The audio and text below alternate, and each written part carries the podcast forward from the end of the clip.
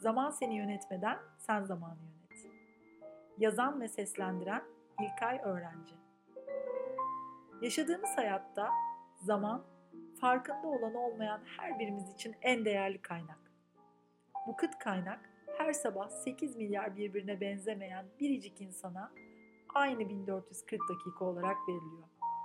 Günün sonunda bu 1440 dakika 8 milyar farklı şekilde kullanılıyor. Kimimiz onu yönetiyor, kontrolüne, denetimine alıyor. Kimimiz onun kontrolüne girip onun tarafından yönetiliyor. Sıkışmış zamanlarda yapacaklarımızı bazen keyifle, olmasını seveceğimiz haliyle değil, olsun diye yaparken buluyoruz kendimizi. İşte zamanlardan o zamanlarda o efendi biz köleyken, bazen bir yere geç kalırken birilerine mahcup, bazen bir türlü yetişmeyen son ana kalan işlerde sürekli gergin, bazen söz verip de gönderemediğimiz bir mesaj için mazeretler söyler halde buluyoruz kendimizi.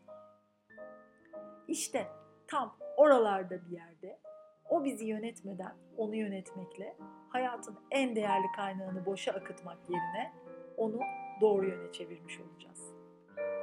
Zaman yönetmek, kıt bir kaynak olan zamanı gereken işler arasında en verimli şekilde dağıtmak demektir. Birçoğumuz bu kıt kaynağı değerlendirebileceğimizi bilmeden boşa harcarız. Ve zamanımızı kullanma tarzımızı seçebileceğimizi, yani onun denetimimiz altında olabileceğini fark etmeyiz. Hayatta güzel işler yapmak, hayata iz bırakmak için gerçekten ne kadar az zamanımız olduğunu fark etmeyiz. Boşa harcadığımız zamanın ne kadar olduğunu bilmeyiz, ölçmeyiz zaman yönetimine odaklanıp herhangi bir sistem ya da stratejiye sahip olmayız. İyi haber şu ki zamanı etkili kullanmak doğuştan kazanılmış bir yetenek değildir. İsteyen herkes zamanı etkili kullanma farkındalığına erişebilir ve kendi gereksinimlerine göre geliştirebilir. Etkili zaman yönetimi, zaman yönetimi konusunda yaşadığımız sorunlarda zamanımızı nasıl daha etkili ve verimli şekilde kullanabileceğimize, işimiz, ilişkilerimiz ve kendimiz arasında nasıl bir zaman dengesi yaratabileceğimize ilişkin kendimize özgü yöntemlerimizi oluşturmaktır. Şu cümleler tanıdık geliyor mu? Hiç zamanım yok. Zaman bana yetmiyor. Bugün nasıl geçti anlayamadım. Gün bitti ama ne yazık ki ben hiçbir işimi sonuçlandıramadım. Çocuklarımın çocukluğunu göremedim. Zaman pek çok suçun başrol oyuncusu hayatımızda. Diğer yandan gerçekleştirmek istediğimiz pek çok şeyin de çözümü, çaresi. Zamanı verimli kullanmak, meşgul görünmek değil, zamanı amaçlarımıza geliştirmeye yönelik faaliyetler yaparak değerlendirmektir. Bir gün içerisindeki 24 saate artırma şansımız olmadığına göre bu saatleri daha etkili kullanmak için kendi yöntemlerimizi oluşturmalıyız. Zaman yönetimi için herkese tek bir reçete mümkün değil kendi zaman anlayışımızı geliştirmek ve uygulanabilir bir zaman planı oluşturmak için şu üç adımı değerlendirmeye ne dersiniz? İlk adım kendimizi tanımlayalım. Güçlü ve zayıf yönlerimizi önümüze koymalıyız. Hangi işi, ne kadar sürede, nasıl, ne zaman, kiminle yapacağımızı belirlemeliyiz. Her iki konuyu da en iyi biz biliyoruz. İkinci adım, rastgele şu maddelerden birkaçını beğenip kendimize alalım verimli olduğumuz zamanları belirlemek, o saatlerde çalışmak, dakikası dakikasına değil esnek plan yapmak, görevleri çakıştırmak, kaçta biteceğini belirlemek, aniden oluşabilecek boş zamanlar için plan yapmak, zaman planını rahat, ulaşılabilir bir yerde tutmak, planı başkalarıyla paylaşmak, ilerlemenin de kaydını tutmak, günü gözden geçirmek, hedeflerinizi gerçekleştirememe, erteleme nedenlerinizi belirlemek, hayır demeyi öğrenmek, nelerin zaman çaldığını bulmak ve onunla ilgili farklı yöntemler denemek. Örneğin yol zaman çalıyorsa evi yaklaştırmak, servis saati, ulaşım şeklini değiştirmek. Zaman ayırmak istediklerimizle ilgili projeler üretmek.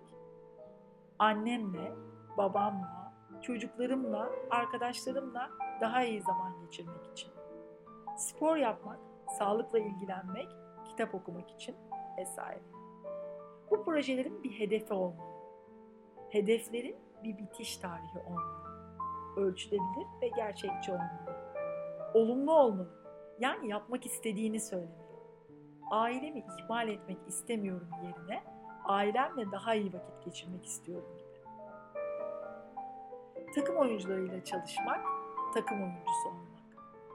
İşte veya evde zaman yönetiminin en önemli püf noktası takım oyunculuğudur. Tatile giderken işimizi devredebilmek, evde iş paylaşımı yapabilmek zaman yönetimini kolaylaştırır. Herkesin iş yapış şekli, hızı, zamanı yönetmesi farklıdır. Bunu tolere edebiliyorsanız çok iyi bir takım oyuncusu olursunuz. Ve üçüncü adım.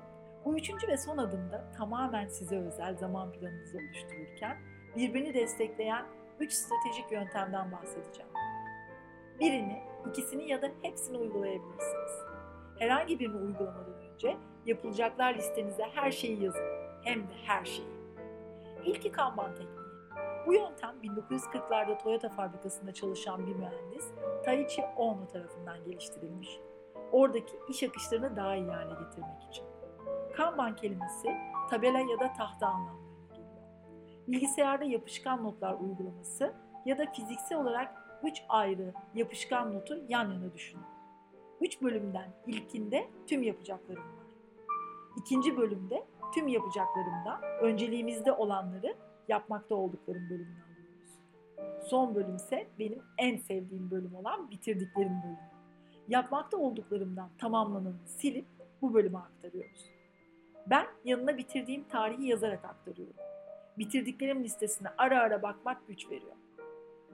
İkinci yöntem, bir önceki yöntemdeki işleri yaparken işimize yarayacak olan Wilfredo Pareto tarafından geliştirilen Pareto prensibi. Pareto prensibi sonuçların %80'i girdilerin %20'si nedeniyle oluşur der. Pareto ilkesi ekonomi ile ilgili ortaya atılsa da yaşamın çoğu ile uyum sağladığı geçen yıllar içinde gözlenmiştir. Bir işin bitmesi için harcamamız gereken zamanın sadece %20'sini harcayarak işin %80'ini bitirebiliriz. Örneğin 10 gün harcayacağımız bir işin %80'ini ilk 2 günde, kalan %20'sini 8 günde bitiririz. Peki bu zaman yönetiminde ne işimize yarayacak? Bunu yaparken ilk maddemizde yazdığım yapışkan notlardaki tüm yapacaklarım listesinden seçtiğimiz yapmakta olduklarım yani ilerletilmesi öncelikli olanları en doğru şekilde seçmiş olmalıyız.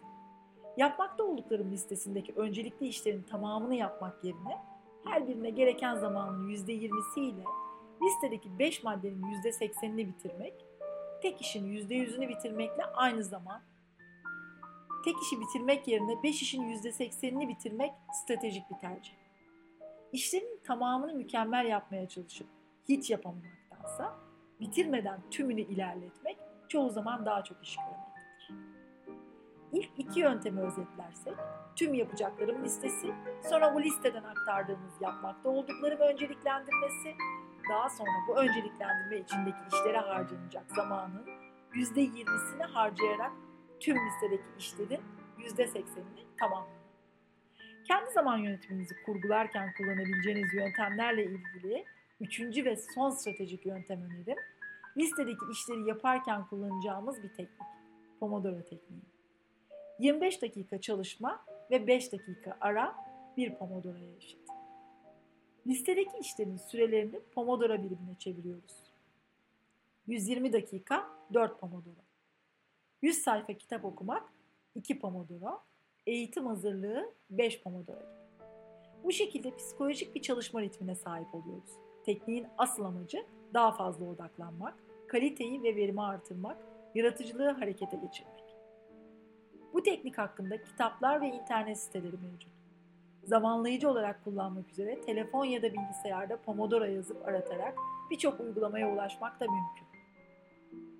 Hayatı yaşarken hepimize eşit verilen bu değerli ve kıt kaynağı yapılacakları doğru önceliklendirip, önceliklendirdiklerimize etkili dağıtıp, stratejik yöntemler ve bakış açılarıyla iplerini elimize aldığımızda kimimiz için başarı, kimimiz için mutluluk, kimimiz için huzur, kimimiz için bilgi, kimimiz için aile, kimimiz için iyi bir üniversiteye giriş, kimimiz için kariyer basamaklarını tırmanma, ve daha sayısız her ne istiyorsak onu elde etme anlamı taşıyor.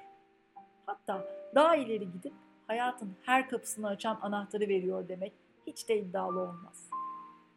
O halde hadi bu yazıyla başla, kendi yöntemini ara bul ve zaman seni yönetmeden sen zamanını